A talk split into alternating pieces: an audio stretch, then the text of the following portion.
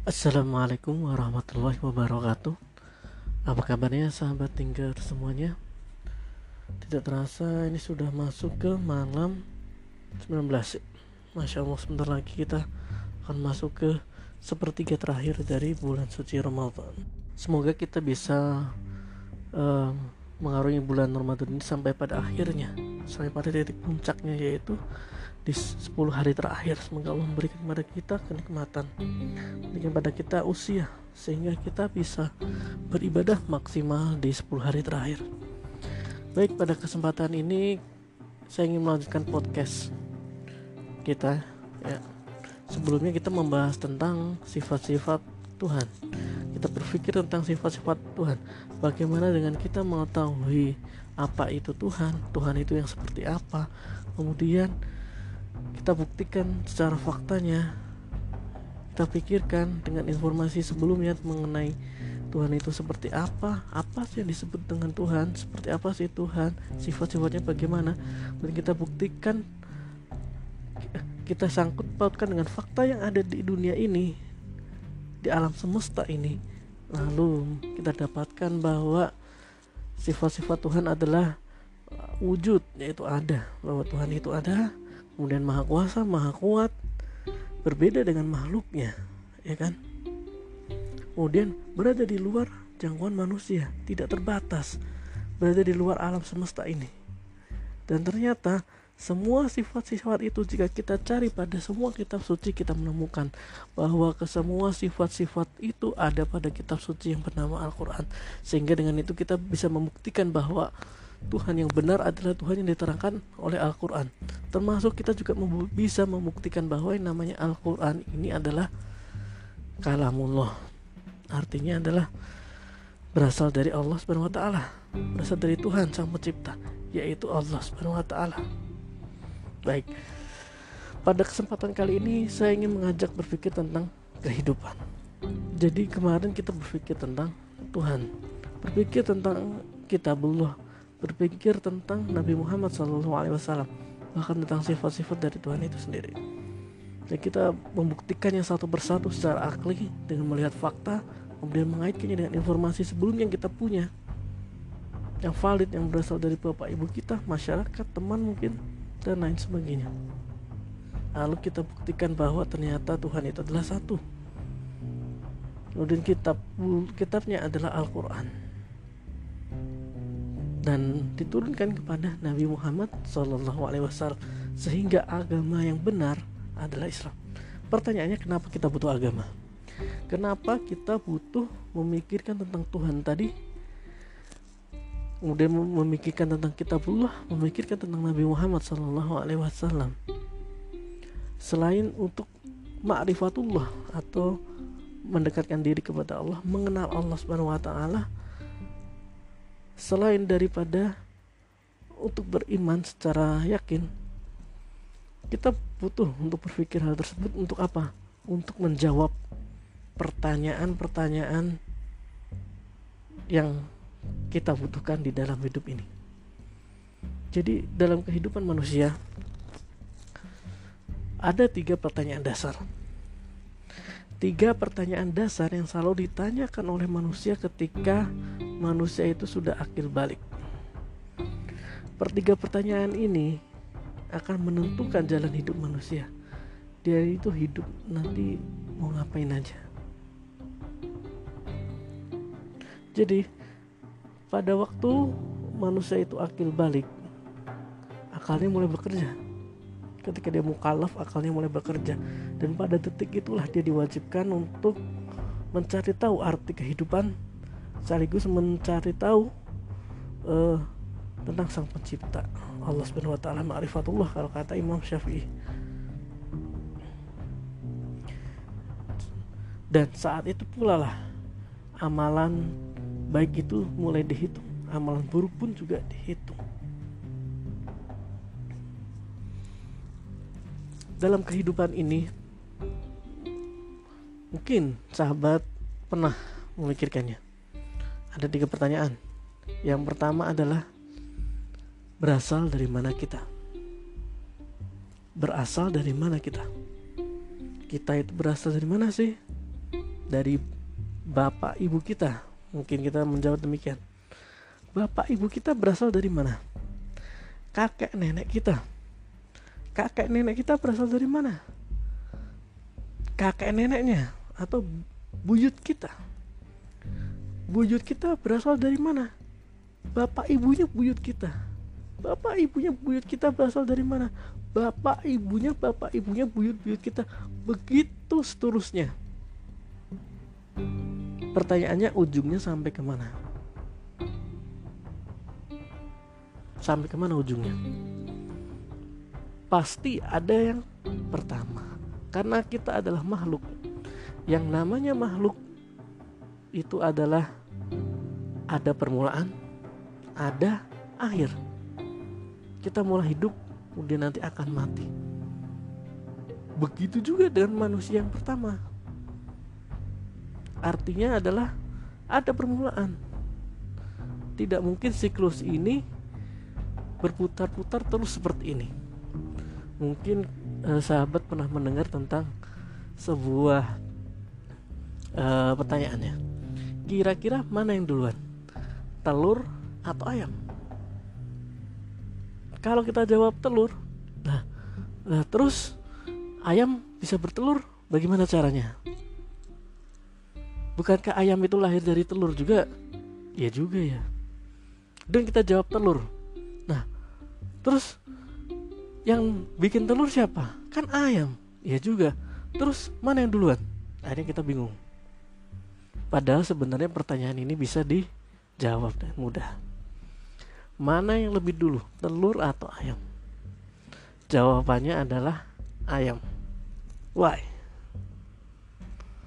Karena yang namanya telur, ya kan?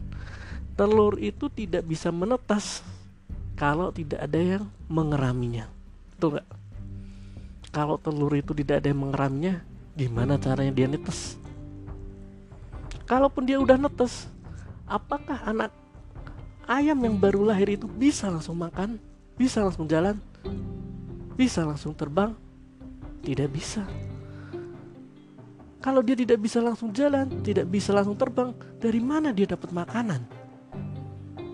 maka kemungkinan besar dia akan mati. Makanya kalau jawabannya adalah telur yang paling awal, maka hal itu salah. Secara fakta itu tidak mungkin. Karena namanya telur dia butuh suhu tertentu agar dia bisa menetas. Dan dia butuh bantuan pertama berupa makanan, kemudian mengajari siapa yang mengajarinya mencari makan sehingga dia bisa tumbuh berkembang bisa mencari makan itu sendiri dan berkembang biak maka kalau telur salah otomatis jawabannya adalah ayam. Nah, ayam kan dari telur. Ya memang. Tetapi di sini ada pengecualian. Artinya adalah bahwa ayam yang pertama itu diciptakan langsung dewasa. Mungkin. Mungkin ternyata. Dan itu dibuktikan di dalam Al-Quran tentang bagaimana Allah memulai penciptaan manusia yaitu melalui Nabiullah Adam alaihissalam kemudian dari tulang rusuknya lah diciptakanlah ibunda Siti Hawa. Artinya adalah manusia pertama diciptakan berpasangan dalam kondisi berakal dan dewasa akhir balik kemudian setelah diciptakan Allah mengajarkan kepada Adam nama-nama benda. Kemudian Adam disuruh menyebutkan nama-nama benda itu di depan malaikat. Yang malaikat itu tidak diberikan pengetahuan tentangnya. Kemudian Allah melalui proses itu Allah memuji dirinya. Bagaimana kebesaran Allah bagaimana maha pengetahuannya Allah maha tahunya Allah. Sehingga malaikat itu kagum kemudian Allah menyuruh menyuruh para malaikat yang untuk sujud kepada Adam dan kemudian malaikat tersebut sujud kepada Nabi Adam Sallallahu Alaihi Wasallam setelah itu Nabi Adam memakan sebuah buah dari pohon yang dilarang oleh Allah Subhanahu wa taala. Semua diterangkan di dalam surat Al-Baqarah ayat 30 sampai 40 ya insyaallah. Sehingga hal itu mengakibatkan Nabi Adam diturunkan ke surga. Walaupun sebenarnya memang Nabi Adam itu manusia itu diciptakan untuk memakmurkan bumi sebagaimana Al-Baqarah ayat 30 tadi kan. A'udzubillahiminasyaitonirrajim Bismillahirrahmanirrahim Wa idh qala rabbuka lil malaikati inni ja'ilun fil ardi khalifah dan ingatlah ketika Tuhanmu berfirman kepada malaikat, Aku hendak menjadikan khalifah di muka bumi. Artinya memang walaupun Nabi Adam itu melakukan pelanggaran atau tidak, cepat atau lambat, Nabi Adam itu nanti akan diutus ke bumi. Makanya tidak benar ya kata orang-orang uh, mungkin non muslim yang mengatakan bahwa kalau Nabi Adam itu tidak makan buah tersebut kita pasti sudah hidup dengan nyaman di surga semua itu salah karena memang dari awal Nabi Adam itu diciptakan termasuk keturunannya untuk menjadi khalifah di muka bumi sebagai wakil Allah untuk memakmurkan bumi Allah tersebut. Nah, kemudian Nabi Adam bertobat Nah, di sini dapat kita katakan bahwa Nabi Adam itu akil balik. Kenapa? Karena ketika Nabi Adam melakukan kesalahan, kemudian Nabi Adam bertobat. Artinya adalah bahwa hanya orang yang akil balik saja yang dikenai kewajiban dan dikenai larangan. Dan tidak boleh ketika dia um, mengerjakan kewajiban dia dapat pahala. Ketika dia um, apa namanya? melakukan larangan dia akan mendapat hukuman ini menunjukkan bahwa ternyata manusia pertama yang pertama kali diciptaan Allah itu yaitu Nabi Adam alaihissalam. Diciptakan pertama kali berpasangan bersama Siti Hawa. Kemudian dianugerahi ilmu informasi terdahulu.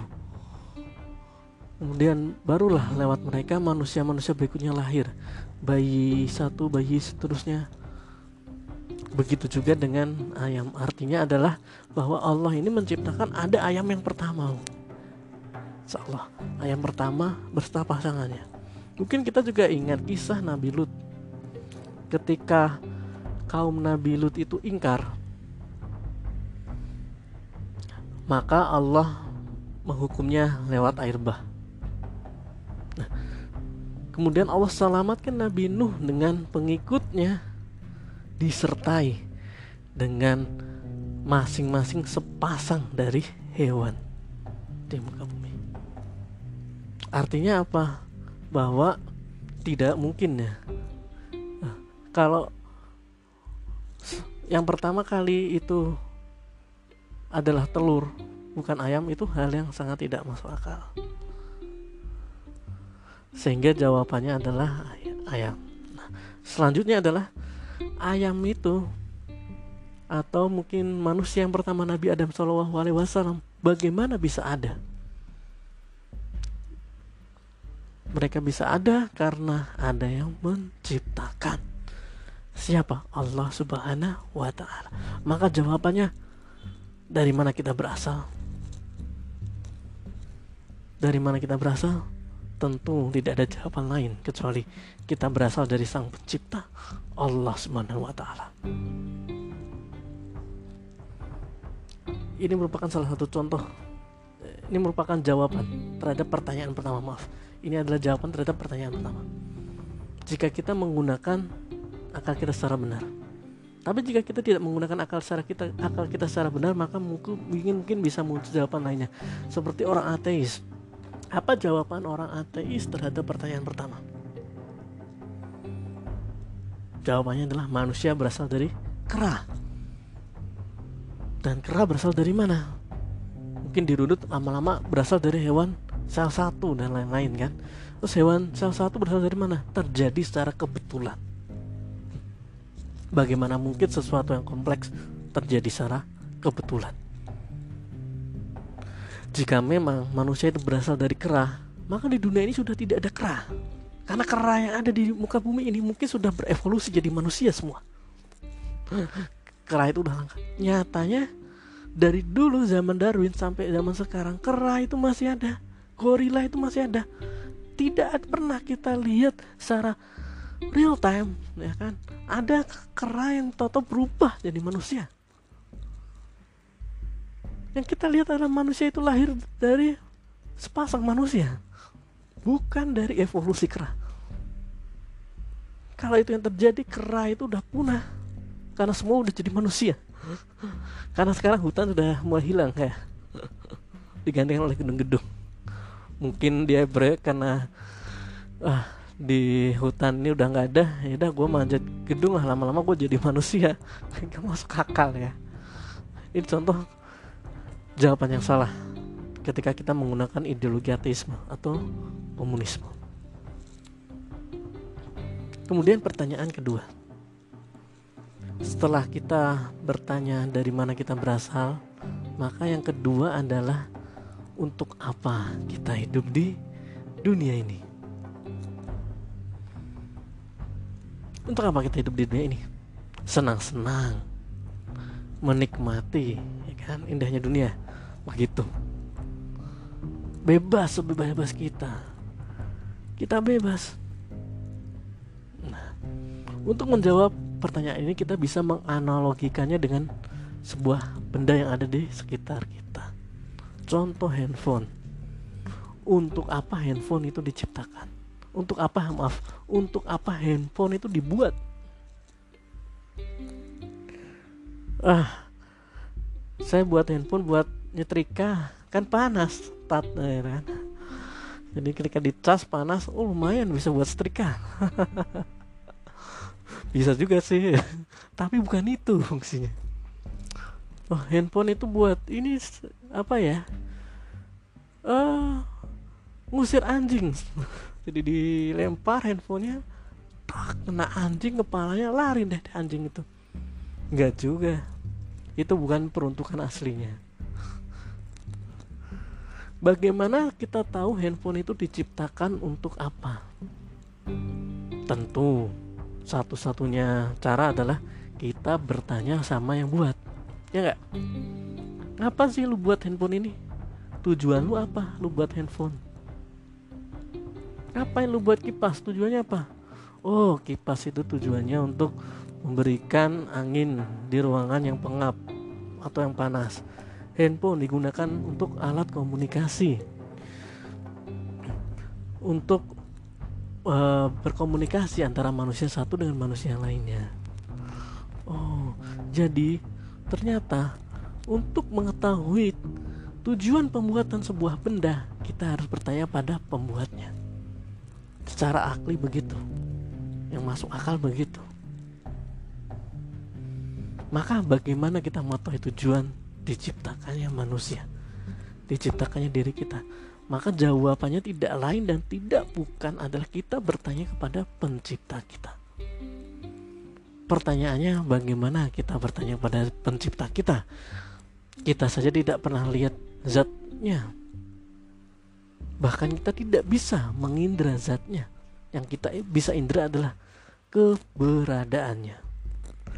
Maka di sinilah ada sebuah perantara karena kita tidak bisa mengindra zatnya wujudnya tidak bisa berbincang secara langsung dengannya maka kita butuh perantara yang bisa mengantarkan pesan atau tujuan atau informasi tentang tujuan diciptakannya kita dari sang pencipta kita. Dari mana hal itu bisa didapatkan? Tentunya dari seseorang yang disebut sebagai utusan. Misal, saya punya teman di Amerika, misal, terus teman tersebut tiba-tiba mengirim sebuah handphone kepada saya saya tidak tahu apa tujuannya. Dan saya tidak memiliki kontak terhadap teman saya tersebut. Akhirnya bagaimana?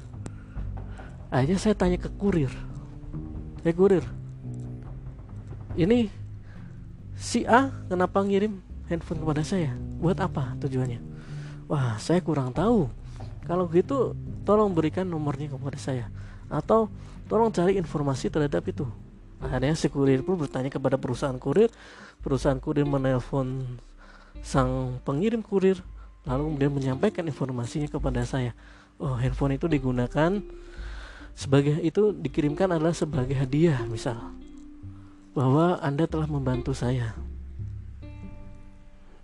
jadi di sini ada perantara perantara yang menyampaikan informasi.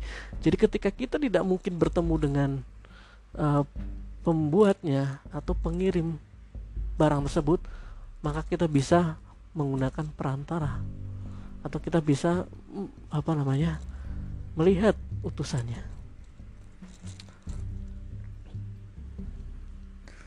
Dan ternyata yang namanya utusan ini apalagi kok dalam hal yang penting yaitu tentang tujuan manusia itu diciptakan. Maka nggak mungkin utusan itu diam-diam aja. Menyembunyikan apa yang diutusnya apa yang harus dia sampaikan. Disembunyikan untuk dirinya sendiri itu nggak mungkin. Pasti sang utusan itu menyuarakan apa yang menjadi pesan dari sang pencipta kepada ciptaan. Inilah yang disebut sebagai sang utusan atau rasul dan pada setiap zaman ada seorang utusan. Dan kisah ini bukan kisah fiktif, karena kita bisa cari kebenarannya secara fakta historis.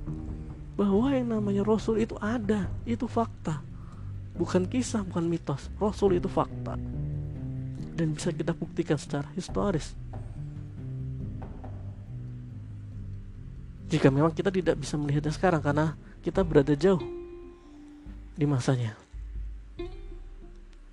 Ketika Nabi Muhammad Shallallahu Alaihi Wasallam diutus, ternyata ada informasi sebelumnya bahwa nanti akan datang seorang Rasul yang namanya adalah Muhammad Ahmad Muhammad. Siapa yang membawa kabar itu? Rasul-rasul sebelumnya sejak Nabi Adam Shallallahu Alaihi Wasallam, eh, Nabi Adam Alaihissalam sampai Nabi Isa Alaihissalam membawa kabar yang sama bahwa nanti akan ada nabi terakhir. Namanya adalah Ahmad atau Muhammad. Dan ternyata seorang nabi itu manusia. Nah, di sini penting sekali dijelaskan ya. Kenapa seorang nabi itu diutus dalam wujud manusia? Ini dijelaskan di dalam Al-Quran bahwa dahulu ada orang-orang kafir itu bertanya kenapa kau utus seorang perantara? Kenapa dia utus seorang perantara dari golongan kami? Kenapa tidak malaikat saja yang diturunkan kepada kami? Di sini Allah tahu betul. Kalau malaikat diturunkan di hadapan manusia kala itu yang pertama dia tidak akan mampu melihat malaikat. Tidak akan kuat. Kemudian yang kedua jika mereka mendustainya otomatis azab tidak ada kesempatan bertobat kedua. Kemudian yang ketiga adalah ketika mereka melihat sesuatu yang tidak biasa, maka dengan mudah orang-orang kafir itu mengatakan ada sihir, ini adalah sihir. Maka merupakan hikmah, hikmah dari Allah Subhanahu Wa. Mengapa Rasul itu diutus dari kalanganmu sendiri, yaitu manusia bahwa Rasul itu adalah seorang manusia sendiri. Bahkan Rasulullah mengatakan, "Aku adalah seorang manusia seperti kalian. Aku makan, aku minum."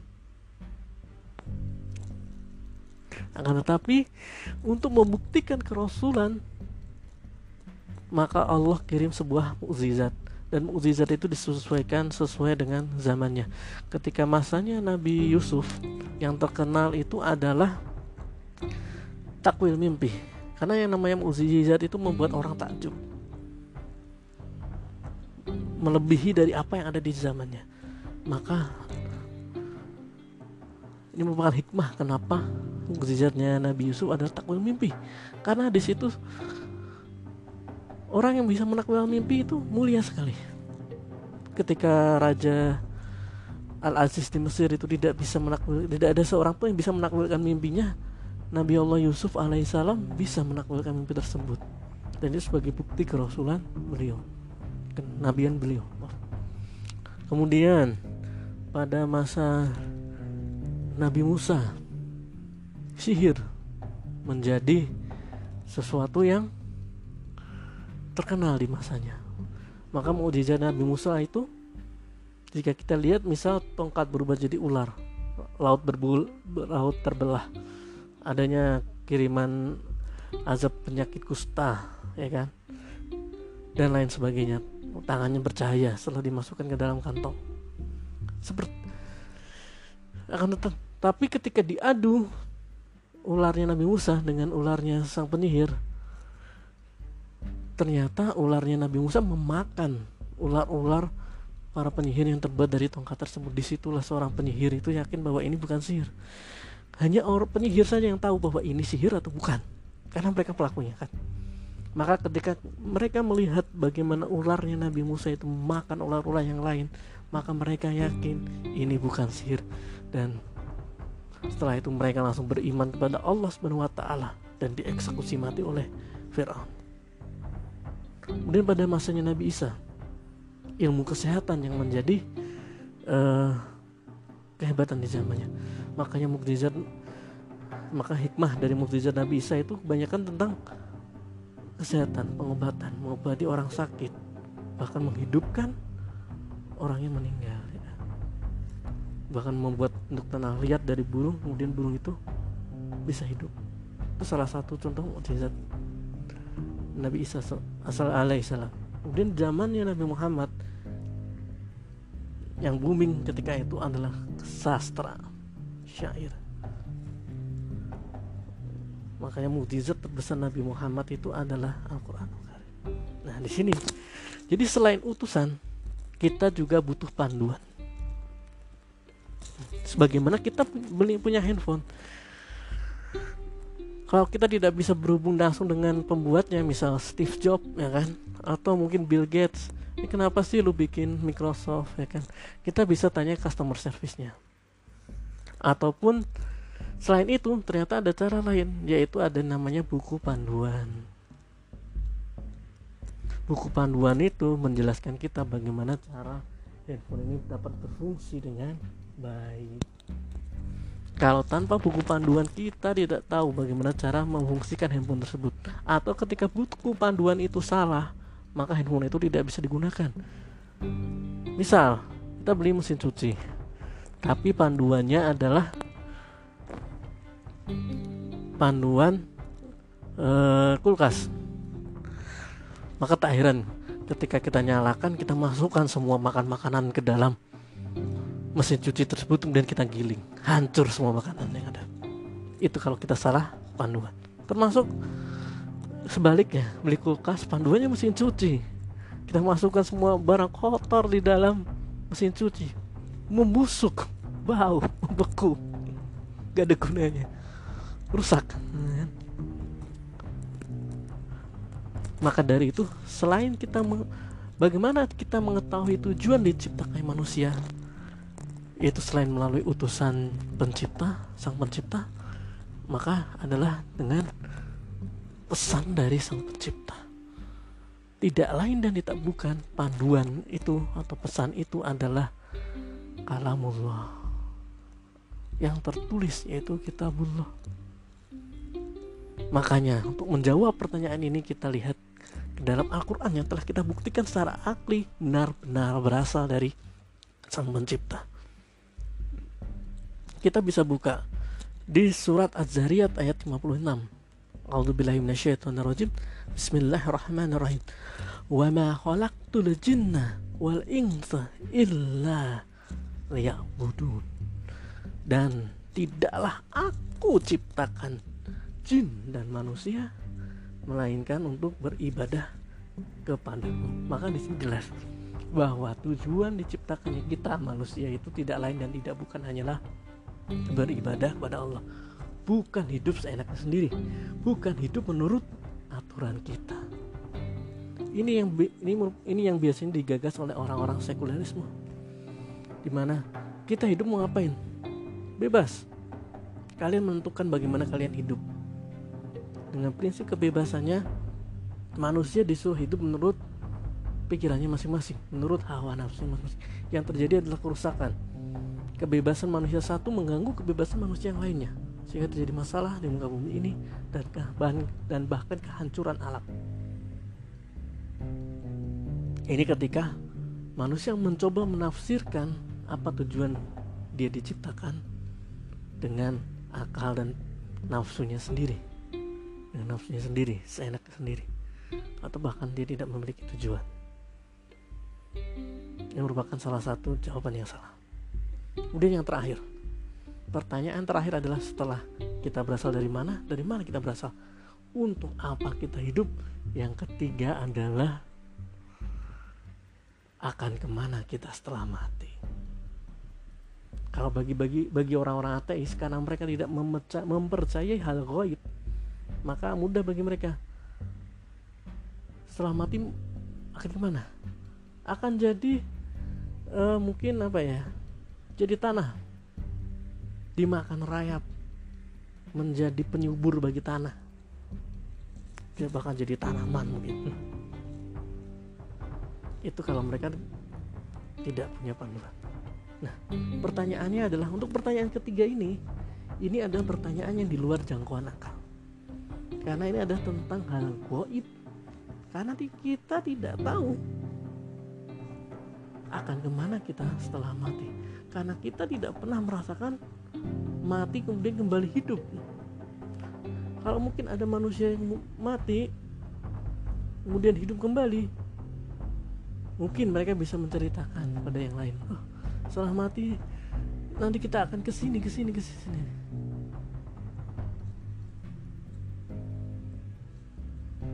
nah, tapi manusia umum tidak tidak mengalami kejadian tersebut kecuali mungkin ya orang-orang terkhusus mungkin. Atau orang-orang yang diilhamkan oleh Allah seperti Nabi dan Rasul. Ternyata itu adalah hal yang goib. Jadi kehidupan setelah mati itu adalah hal yang goib kepada oleh adalah hal goib yang manusia tidak bisa mengindranya. Karena manusia tidak bisa mengindranya, maka untuk mengetahuinya mereka butuh informasi. Informasi dari mana? Tentunya adalah dari panduan hidupnya yang telah ia buktikan secara akli, secara fakta, yaitu adalah kitabullah. Makanya untuk menjawab pertanyaan ketiga ini tidak bisa dengan menggunakan dalil akli secara langsung yang bisa kita lakukan adalah menggunakan dalil nakli yang telah dibuktikan secara akli yaitu kita merujuk kepada Al-Quranul Karim. Kita bisa lihat di surat Al-Ghasiyah. Kan pada surat Al-Ghasiyah Bismillahirrahmanirrahim. Hal ataka hadisul ghasiyah. Sudahkah sampai kepadamu berita tentang hari kiamat? Wujuh yauma idin khasiyah. Amilatun nasibah Pada hari itu banyak wajah tertunduk terhina bekerja keras lagi kepayahan Tasla naron hamiyah. Mereka memasuki api yang sangat panas. Terus kamin ainin aniyah. Diberi minum dari sumber mata air yang panas. Laisa lahum ta'amun illa min sari. Tidak ada makanan bagi mereka selain dari pohon yang berduri la yusminu wala yughni min yang tidak menggemukkan dan tidak menghilangkan laparan. Wujuh yauma idin na'imah. Pada hari itu banyak wajah yang berseri-seri. Lisa yiha radiyah. Merasa senang karena usahanya. Fi jannati aliyah. La tasma'u fiha lagiyah. Fiha ainun jariyah. Di sana kamu tidak mendengar pengetahuan tidak berguna dan di sana ada mata air yang mengalir. Fiha syururu marfu'ah wa kawabum maudhu'ah. Di sana dipan-dipan yang ditinggikan dan gelas-gelas tersedia di dekatnya. Wa namariku masfufah wa zarabiyu mabsusah dan bantalan-bantal yang tersusun serta permadani yang terhampar. Dari Al-Ghasyiyah ayat 116 Allah menceritakan tentang nanti akan terjadi hari kiamat. Kemudian setelah hari kiamat ada manusia yang dimasukkan ke dalam neraka yang menyala-nyala dan ada yang masuk ke dalam surga yang nikmatnya indahnya bukan main. artinya di sini jelas ke mana kita setelah mati maka kita bisa ke neraka atau ke surga milik siapakah surga dan neraka itu Allah subhanahu wa ta'ala. Maka ke mana kita setelah mati? Jawabannya adalah kembali kepada Allah subhanahu wa ta'ala. Bismillahirrahmanirrahim. Inna ilaina iyabahum Summa inna alaina hisabahum. Sungguh kepada kamilah Allah SWT mereka kembali Kemudian sesungguhnya kewajiban kamilah membuat perhitungan atas mereka Ya, jadi terjawablah sudah tiga pertanyaan tadi Dari mana kita berasal? Dari Allah Subhanahu wa taala. Untuk apa kita hidup di dunia ini? beribadah kepada Allah Subhanahu wa taala. Dan yang terakhir adalah akan ke mana kita setelah mati. Kembali kepada Allah Subhanahu wa taala. Maka apa yang seharusnya kita lakukan di dunia ini? Jawabannya cuma satu. Beribadah, memaksimalkan ketaatan kita kepada Allah. Itulah fungsi manusia diciptakan di dunia ini. Fungsi jin dan manusia diciptakan. Tidak lain dan tidak bukan cuma satu ibadallah beribadah kepada Allah gak ada yang lain makanya ini yang menjadi harusnya uh, kegiatan utama kita di dalam kehidupan ini ini merupakan peringatan untuk saya pribadi terutama dan untuk kita semua secara umum nah sekian untuk podcast kali ini apabila ada kesalahan salah-salah kata mungkin keseleo itu murni berasal dari saya pribadi. Mohon maaf jika ada kesalahan dan mohon dimaafkan. Apabila ada kebenaran, maka itu semua datangnya dari Allah Subhanahu wa taala. Saya hanya menyampaikan saja. Apabila ada saran, kritik, komen, uh, apa mungkin ya, uh, mungkin pesan yang ingin disampaikan silahkan kunjungi Instagram kami at disambung atau di fans Facebook kami Muslim Art Thinker. Insya Allah kita akan jawab jika memang ada pertanyaan, saran, atau komen, atau kritik. Dan jangan lupa like dan follow ya. Sekian terima kasih. Wassalamualaikum warahmatullahi wabarakatuh. Salam pemikiran.